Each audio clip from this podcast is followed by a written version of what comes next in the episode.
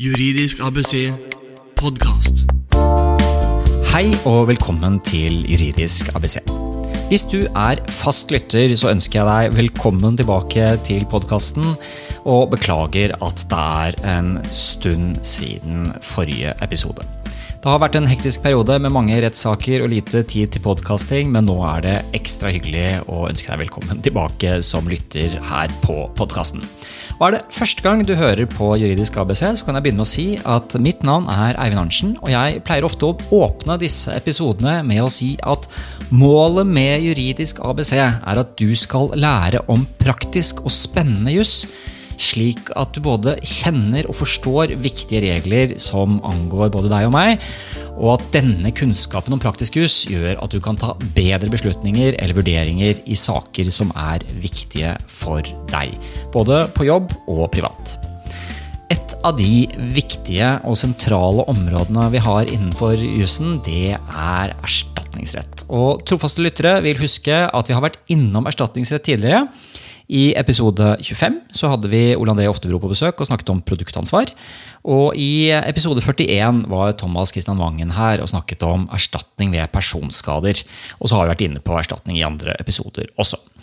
Men jeg har lenge tenkt at vi manglet en episode hvor vi snakker om mer sånn grunnleggende erstatningsrett. Og i denne episoden har jeg invitert en spesiell gjest til podkasten for å snakke om nettopp det, og da med fokus på de grunnleggende prinsippene og ansvarsgrunnlaget culpa. Det betyr for de innvidde at vi ikke kommer til å snakke om eh, objektivt ansvar så mye, men eh, det er mulig at vi kan komme tilbake til det i en senere episode.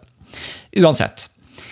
Dette er eh, en litt spesiell episode for meg, fordi det er en innspilling som jeg har gledet meg til veldig lenge. Og grunnen til det er at vi ikke bare har med en veldig flink jurist i studio her i dag, men det er, for det har vi jo på alle episoder, eh, men det er litt spesielt fordi det er en veldig eh, hyggelig gjest som jeg har kjent siden vi gikk på videregående skole sammen for nesten 30 år siden på Kirkeparken i Moss.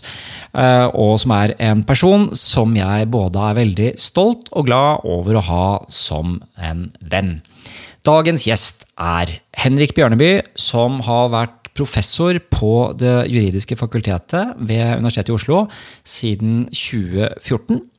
Henrik er egentlig eksperten på energirett, og en, altså, Norges klart beste og internasjonalt anerkjent eh, som en veldig faglig tyngde innenfor energirett. Og når denne episoden publiseres, så er også siste nytt at han er på vei til advokatfirmaet Bar som partner i energirettsgruppen der. Så egentlig burde vi snakket om energirett, men siden Henrik også nå jobber som professor og holder kurs for studentene i erstatningsrett, og ikke minst fordi jeg husker fra studiene hvor flink Henrik var i erstatningsrett, så har vi altså fått gleden av å ha med Henrik Bjørneby her i dag for dette grunnkurset i erstatningsrett. Og da har jeg pratet mye og gleder meg til å endelig si hei og velkommen hit til Juridisk ABC, Henrik. Tusen takk. Du Henrik, aller først. Når vi spiller inn denne episoden, så er du professor på jussen. Kan du si litt om hva det betyr? Altså, hva er det du jobber med til daglig? Jeg, eh, på forskningssiden så jobber jeg mest med energirett. Eh, kraftmarkedsjuss, EU-energirett, eh, e mye konsesjonsrett. Eh, men det dukker jo opp erstatningsrettslige problemstillinger også eh, innen energisektoren, så jeg har vært eh, litt innom det der også. Men når det gjelder erstatningsrett, så er det først og fremst på undervisningssiden. Jeg deltar med, med kurs i erstatningsrett på fakultetet. Og da holder du kurs for Heter det fortsatt første avdeling? De som er på grunnutdanningen for jurister? Ja, nå heter det juss 1111 første halvåret, og det er der studentene møter erstatningsretten. Nettopp. Så ting er ikke helt sånn som det var eh, en gang eh, i tiden da vi gikk på jussen. Du, eh, vi må kaste oss ut i den store utfordringen det er å skulle prøve å dekke liksom, hele erstatningsretten på en, kanskje en halvtimes tid. Hvis vi begynner å prøve å få litt sånn fugleperspektivet eh, altså Alle skjønner at erstatningsrett handler om å om gjøre opp for en skade. Eh, men hvor, hvor, begynner man når man skal karakterisere erstatningsretten som fag? Ja, Grunnspørsmålet i erstatningsretten er jo som du er inne på, altså hvem skal bære ansvaret for et økonomisk tap som har oppstått? Er det den som har voldt skaden, skadevolder, eller noen som hefter for skadevolder? Eller er det den som er påført skaden, altså skadelidte? Og reglene om det, hvor er det vi finner det? Eh, ja, det som skiller den alminnelige erstatningsretten noe fra en del andre rettsområder, er jo at uh, grunnlaget er i større utstrekning ulovfestet, altså domstolskapt. Um, men det er et samspill her mellom dømmende og lovgivende makt. slik at det er klart vi har en god del lovregler også. Uh, grunnstammen på regelsiden er skadeserstatningsloven. Uh, men den sier ikke så veldig mye om hva som skal til for at man havner i ansvar. altså Selve ansvarsgrunnlaget den sier nok mer om f.eks. utmålingen av erstatning. Uh, selv om det er viktig ansvarsgrunnlag i skadeserstatningsloven også, særlig det såkalte arbeidsgiveransvaret. Um, men mye av reglene er også utviklet gjennom domstolspraksis. Så det er eh, høyesterettsdommer over tid som eh, gir oss veiledning om eh, hva slags regler som gjelder? I stor utstrekning, ja. Og så er jo erstatningsretten, som veldig mange andre juridiske disipliner, i større og større grad også preget av internasjonalisering, slik at EØS-retten, e menneskerettene også kan komme inn i bildet i enkelte situasjoner. Men, men, når det er sagt, så vil nok i de, det klart store flertallet av saker, så er det fortsatt en nasjonal rettsdisiplin, vil jeg si. Når du skal begynne med å undervise eh, ferske studenter i erstatningsrett, det er et stort fag. Det er mange, det er mange problemstillinger, det er mange dommer, som du er inne på. så det er eh, domstolsskapt mye av det, selv om man har også lovbestemmelser. Hvor begynner dere?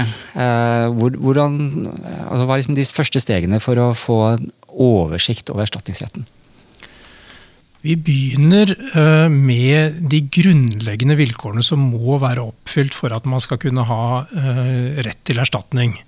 Og det er tre grunnvilkår. Det må foreligge et ansvarsgrunnlag. Det må foreligge et økonomisk tap. Og det må foreligge en adekvat årsakssammenheng. Noen vil også omtale adekvans og årsakssammenheng som, som to uh, vilkår, men det blir en smakssak. Mm. Um, I tillegg så er det også et krav om at Eh, den aktuelle skaden må ha eh, erstatningsvern. Altså Det må foreligge en vernet interesse, men det er et spørsmål som nok eh, i praksis bare dukker opp mer unntaksvis. Så vi begynner på ansvarsgrunnlagene, med andre ord. Og der er det flere å velge i. Det stemmer. Og det alminnelige ansvarsgrunnlaget i norsk rett, det er skyldansvaret, eller kulpaansvaret det er et uh, domstolskapt ansvar, og det gjelder helt generelt. Med andre ord, uh, i mangel av andre ansvarsgrunnlag, så kan man alltid falle tilbake på kulpaansvaret. Um, og spørsmålet etter kulpaansvaret, det er om skadevolder burde og kunne handlet annerledes. Med andre ord om det er noe bebreide skadevolder. Det er vurderingstemaet. Og så har vi eh, en nokså omfattende rettspraksis som hjelper oss å vurdere eh, i hvilke tilfeller det er tilfellet. At eh, kravene til et gulpeansvar er oppfylt. Kan vi begynne med å se på noen eksempler på situasjoner hvor det er aktuelt å vurdere culpa-ansvar? Ja, det kan jo være veldig mange forskjellige tilfeller. Her kan man jo trekke noen eksempler fra rettspraksis, f.eks. Eh, et nokså illustrerende tilfelle, synes jeg, eh, på kulpansvaret, det er eh, Trampetdommen. Mm. Rettstidene 1997, side 1081. Formelt sett så dreier den saken seg om arbeidsgiveransvar. Etter skadeserstatningsloven så er det slik at en arbeidsgiver hefter på objektivt grunnlag for de ansattes uaktsomme handlinger.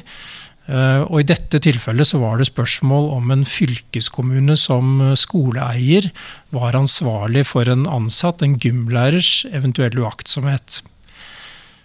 Situasjonen der var at uh, det var en gymtime på videregående skole.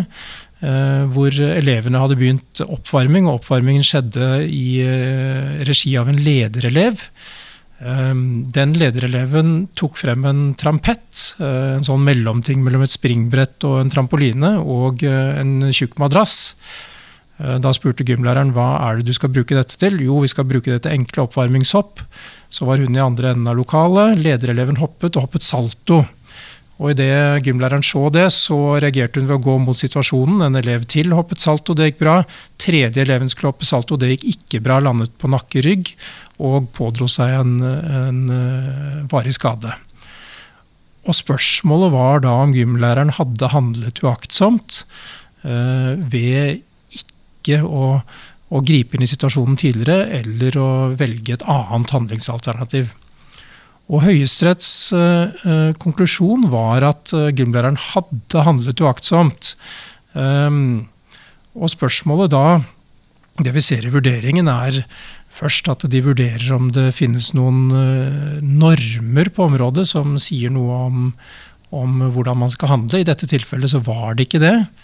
Men dersom det er normer på området, så vil det kunne ha stor betydning for vurderingen, i hvert fall hvis disse normene nettopp har til formål å unngå den type skade som har oppstått. Hvis ikke det finnes normer på området, så tar man utgangspunkt i en vurdering av en handlings eventuelle skadeevne. Og da må man se på hvilken risiko er det for at det kan oppstå en skade i et gitt tilfelle, eh, og hvilket potensielt skadeomfang kan man se for seg. Og grunnen til at dette er viktig å, å, å vurdere innledningsvis i en kulpadrøftelse, er jo at jo større mulig skadeevne som foreligger ved en handling, jo mer skjerpet må skadevolder være uh, i sitt handlingsmønster. Uh, I dette konkrete tilfellet kom Høyesterett til at vel, dersom man hadde tilstrekkelig opplæring i bruk av trampett, så er det ikke nødvendigvis forbundet med stor fare. Men i dette tilfellet hadde ikke elevene fått opplæring. Uh, og da stiller man strengere krav. Så må man vurdere om den skadeevnen som foreligger er synbar, uh, objektivt sett, for en skadevolder. Og deretter om det finnes noen handlingsalternativer, om man burde valgt de handlingsalternativene. Og I dette konkrete tilfellet så kunne gymlæreren valgt flere handlingsalternativer. Kunne gitt uh, nærmere opplæring. Kunne gitt klarere instrukser om hva slags hopp elevene kunne foretatt og ikke foreta. Uh, kunne kontrollert situasjonen nærmere. Kunne sagt stopp? Kunne sagt stopp. Og det er konklusjonen i den saken. Det er det uh, Høyesterett runder av med å si at vel, når ingen av disse andre handlingsalternativene er valgt tidligere, Eh, det at gymlæreren heller ikke da blåste i fløyten umiddelbart av en så og hopp som ble foretatt, det bebreides henne som erstatningsbetingende uaktsomhet. Så kan man innvende at det er en, eh, umiddelbart kan høres ut som en ganske streng vurdering. Um, men samtidig så er det jo her et, eh, et ungt menneske da, som fikk en varig skade. Og resultatet i saken er jo at det er fylkeskommunen som, som er erstatningsansvarlig i denne saken. Så i disse culpa-vurderingene, når uh, Høyesterett gjør det, så kan det bli en veldig grundig analyse av en beslutning et menneske tar i løpet av noen veldig korte øyeblikk. Det kan det. Um, og um, uh, den vurderingen skal jo ikke foretas i etterpåklokskapens lys. Man må sette seg inn i situasjonen der og da. Um, men når det er sagt, så kan det jo likevel uh, fremstå som en ganske streng uh, vurdering. Jeg kan jo trekke fram et annet eksempel. Hårfønerdommen fra 2017, HR 2017-1977, som gjaldt et tilfelle i en uh, bygård i, i Oslo. Et vannrør hadde frosset i en av bygårdsleilighetene.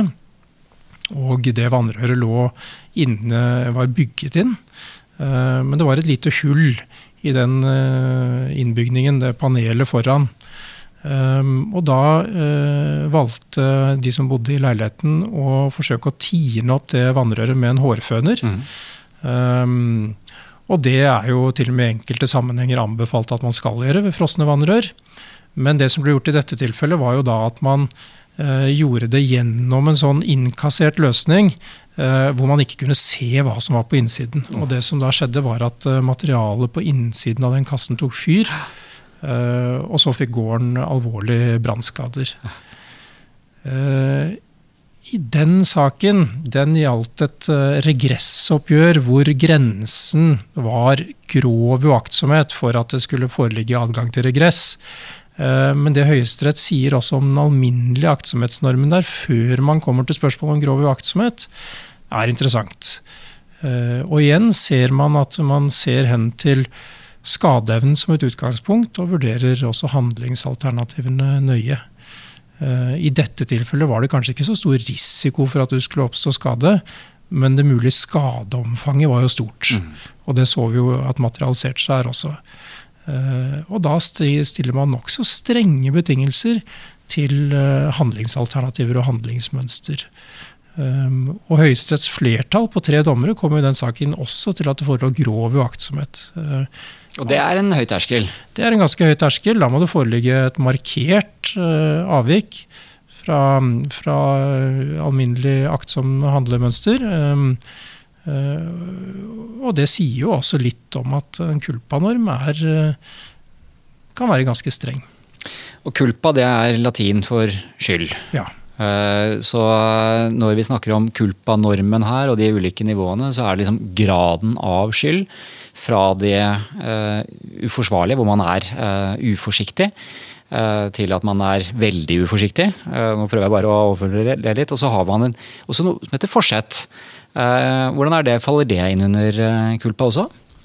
Det faller også inn under culpa. Um, Men um, eh, ettersom den nedre grensen for å konstatere ansvarsgrunnlag i erstatningsretten er den alminnelige uaktsomheten, eller den simple uaktsomheten, hvor også spørsmålet bare er om skadevolder burde og kunne handlet annerledes, eh, så kommer ikke dette forsettspørsmålet på spissen. Fordi når man er overfor den simple uaktsomheten, Så er du uansett i ansvar. da foreligger det ansvarsgrunnlag.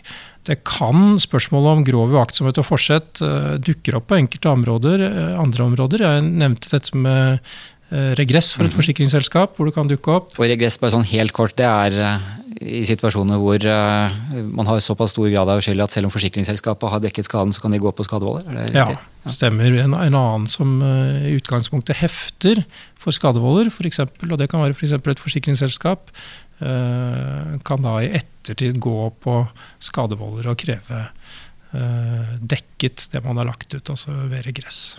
Nå skal vi ikke snakke om bilforsikring her, men, eh, men det er jo lett å tenke et eksempel hvor hvis du, hvis du kjører bilen med vilje inn i en annen, så vil vel forsikringen dekke skaden på den andre, men forsikringsselskapet snur seg rundt og sier at det var jo forsett, så da må du betale av egen lomme.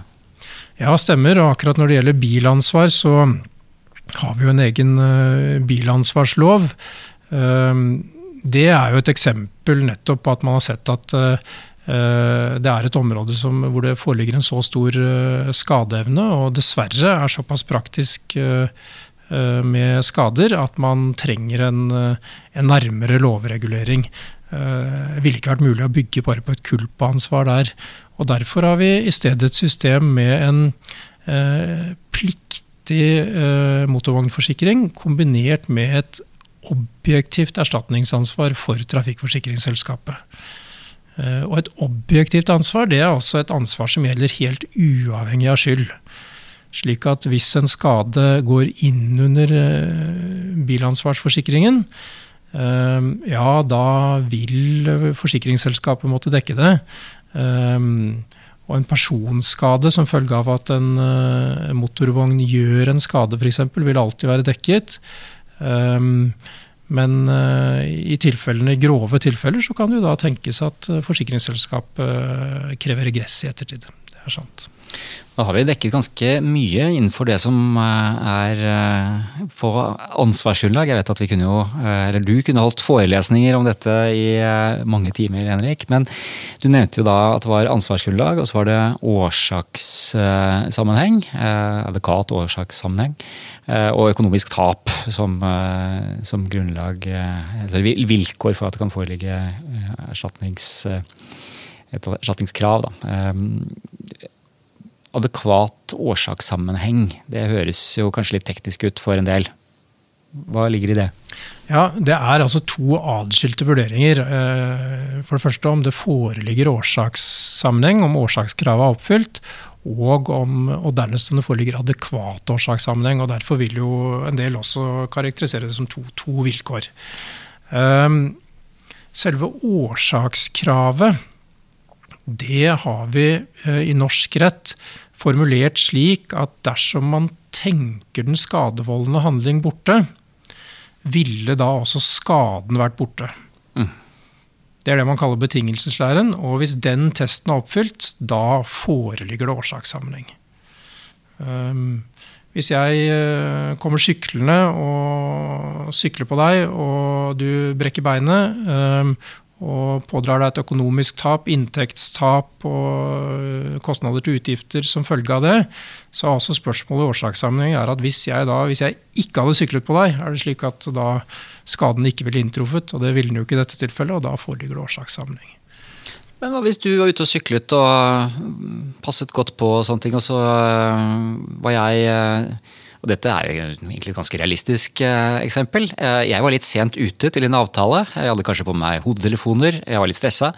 Og jeg løp ut i veibanen og så ikke at du kom eh, forsiktig syklende nedover mens du prøvde å passe på så godt du kunne. Hva da? Ja, Da foreligger det jo samvirkende årsaker. Det er, det er to årsaker inne i bildet. her. Det er jeg som kommer syklende, og så mm. er det du som kommer løpende. Jeg er litt uaktsom. Ja. Mm. Og du er, er, kanskje litt uaktsom. Uh, det høres ut som vi er litt uaktsomme begge to. Uh, kanskje det. og når du da skal kreve erstatning av meg, så vil jo likevel denne betingelseslæren, denne testen, vil være oppfylt for min del. Mm. Hadde ikke jeg kommet syklende og gjort som jeg hadde gjort, vel, så hadde ikke du blitt pådratt en skade. Så slik sett så er årsakskravet fremdeles oppfylt for min del. Um, men i dette tilfellet kan det jo foreligge skyld på, denne, på din side også. Altså at du eh, medvirker selv til skaden ved skyld. Og da har vi en regel i skadeserstatningsloven paragraf 5-1 eh, som sier at dersom man medvirker til skaden ved egen skyld, ja, da kan erstatningen settes ned. Eh, så det er altså krav om skyld på skadelidtes side, og at det er årsakssammenheng der også. Og hvis de vilkårene er oppfylt, ja, da er det en kan-vurdering om erstatningen skal settes ned etter en del nærmere fastsatte momenter i loven. Eh, så i det tilfellet så kunne jo situasjonen tenkes å bli at eh, vel, du hadde krav på erstatning, men du får ikke full erstatning. Men denne medvirkningsvurderingen den må vi gjøre uavhengig av de grunnleggende erstatningsvilkårene. Sånn at den dukker bare opp etter at vi har konstatert at det foreligger ansvarsgrunnlag økonomisk tap og adekvat årsakssammenheng, slik at jeg i utgangspunktet er ansvarlig. Er det noen uh, illustrerende dommer som uh, er fine for å få veiledning på adekvat årsakssammenheng? På selve, når det gjelder selve årsakskravet, så er vel den dommen som fortsatt den dommen som formulerer det klarest, er p-pilledom 2 Uh, Rettstidene 1992, side 64. Uh, det var en sak som gjaldt en um, ung kvinne som fikk, en, fikk hjernetrombose, altså et, et hjerneslag. Og gikk til sak mot en p-pilleprodusent. Krevde erstatning. Og eh, Høyesterett så det slik i den eh, saken at det forelå flere mulige samvirkende årsaker. Eh, P-pillebruken, moderat alkoholkonsum, noe røyking eh, bl.a. Og så var spørsmålet om det da var årsakssammenheng og ansvarsgrunnlag for p-pilleprodusenten. Og I den sammenheng så formulerer Høyesterett også selve årsakskravet etter betingelseslæren på en veldig klar måte. Eh, så, når det gjelder adekvansspørsmålet, eh, når vi da har konstatert at det foreligger årsakssammenheng, så eh, må man også Um, vurdere om skaden er en så upåregnelig fjern og avledet følge av den skadevoldende handling at det ikke er rimelig å knytte ansvar til den. Uh, så selv om det foreligger årsakssammenheng, så trekker vi altså en ytre grense eh, mot de forhold som er såpass fjerne og avledede og upåregnelige eh, at man likevel ikke kan eh, holde skadevolder Helt usannsynlige skader som oppstår? Ja, eh, og en eh, illustrerende dom eh, på det området er eh, den såkalte schizofrenisaken. Eh, Rettstidene 2007, side 172. Det gjaldt et eh, tilfelle hvor en eh, elektriker hadde arbeidet oppi en lift og falt ut av liften og skadet seg fysisk. Og det var ikke tvil om at den personskaden At det forelå ansvar for den. Um, men så over tid eh, så eh, førte disse skadene det førte til at eh, vedkommende ikke kunne arbeide som før. kunne ikke holde på med fritidsinteresser som før. Opplevde et samlivsbrudd. og utviklet etter hvert paranoid schizofreni. Og Spørsmålet da var om det forelå adekvat årsakssammenheng mellom den opprinnelige liftulykken og utviklingen av paranoid schizofreni. Og Høyesterett kom til at selve årsakskravet var oppfylt. Hvis man tenkte seg liftulykken borte, vel, da ville ikke vedkommende utviklet uh, schizofreni. Uh, men i vurderingen av adekvans så kom man til at uh, utviklingen av en såpass sjelden lidelse som følge av denne ulykken, det var så upåregnelig fjernt og avledet at det ikke forelå adekvat årsakssammenheng.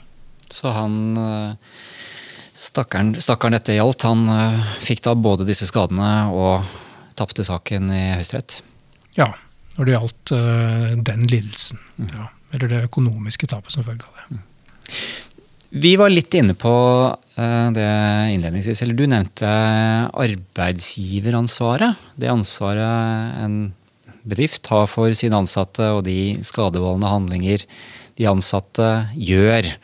Eh, mange av de som hører på podkasten, er ledere som har ansatte. og har sikkert opplevd at noen ansatte har gjort forskjellige ting også.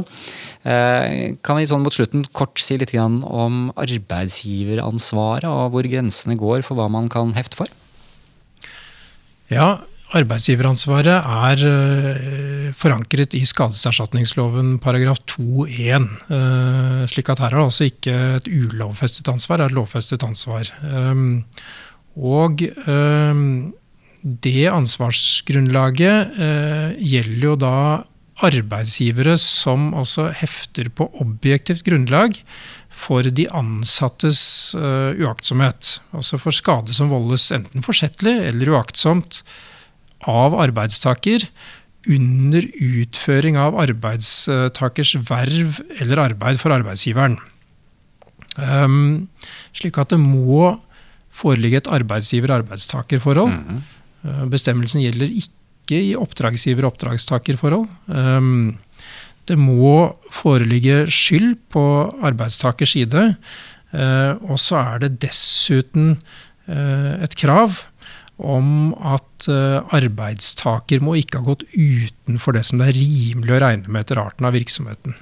Og Hva menes med det? Uh, vel, uh, det menes at hvis arbeidstaker har gått helt utenfor altså dette må også ses i sammenheng med at, at skaden må ha skjedd i, i tjenesten. Men hvis man har gått helt utenfor, det man er forventet å gjøre, så går det en grense for hva, hvilke forhold en arbeidsgiver hefter for. Noe av bakgrunnen for arbeidsgiveransvaret er jo det at arbeidstakernes utføring av arbeid skjer i arbeidsgivers interesse. Og da er det også naturlig at arbeidsgiver hefter når det, når det skjer skader. Men ett sted må man trekke grensen. Men man ser i rettspraksis at den grensen den trekkes vidt. Ehm, det er f.eks. Eh, ikke tilstrekkelig at arbeidstakeren har gått utenfor en stillingsinstruks i seg selv. Ehm, det trekkes videre enn som så. Eh, og de tilfellene hvor dette typisk har kommet på spissen eh, i rettspraksis, det er jo der hvor arbeidstaker kanskje har påført noen en skade ved forsett. Mm. I de tilfellene så er man jo i utgangspunktet innenfor for lovbestemmelsen, i den forstand at arbeidsgiver svarer for arbeidstakers uaktsomme og forsettlige handlinger. Men det kan jo likevel tenkes at dette er så langt utenfor det, det rimelige at man ikke hefter. Hva tenkte nå på det? Altså, hvis du, har, du var inne på en håndver håndverker i sted. Hvis du har en håndverker eller en eh, flyttemannskap eller noe tilsvarende som er hjemme i noens hus, eh, så kan det jo fort skje en skade. Man eh, slår borti noe, eller et, et, eller annet skjer. Lager en skrape eller knuser et eller annet. Det vil jo tenker jeg, fort være innenfor hva man kan forvente. Hvis en som flytter noe, mister en kasse, så kan det skje. Men hvis vedkommende stjeler noe, så går man jo godt utenfor det som eh, man forventer at noen gjør i et ansettelsesforhold. Da er man kanskje utenfor hva arbeidsgiver hefter for også?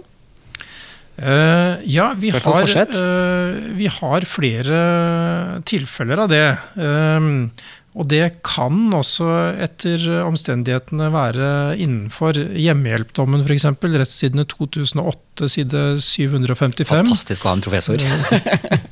Eh, gjaldt altså et tilfelle hvor det var en, eh, en som var ansatt i kommunen som, eh, som hjemmehjelper. Stjal fra en eldre mm. bruker av hjemmehjelpstjenester. Uh, stikk i strid med, med, arbeidsgivers interesser, åpenbart. Og instrukser og alt. ja, og, og, straffbart, ikke sant? Ja, ja, uh, tyveri i vinnings hensikt.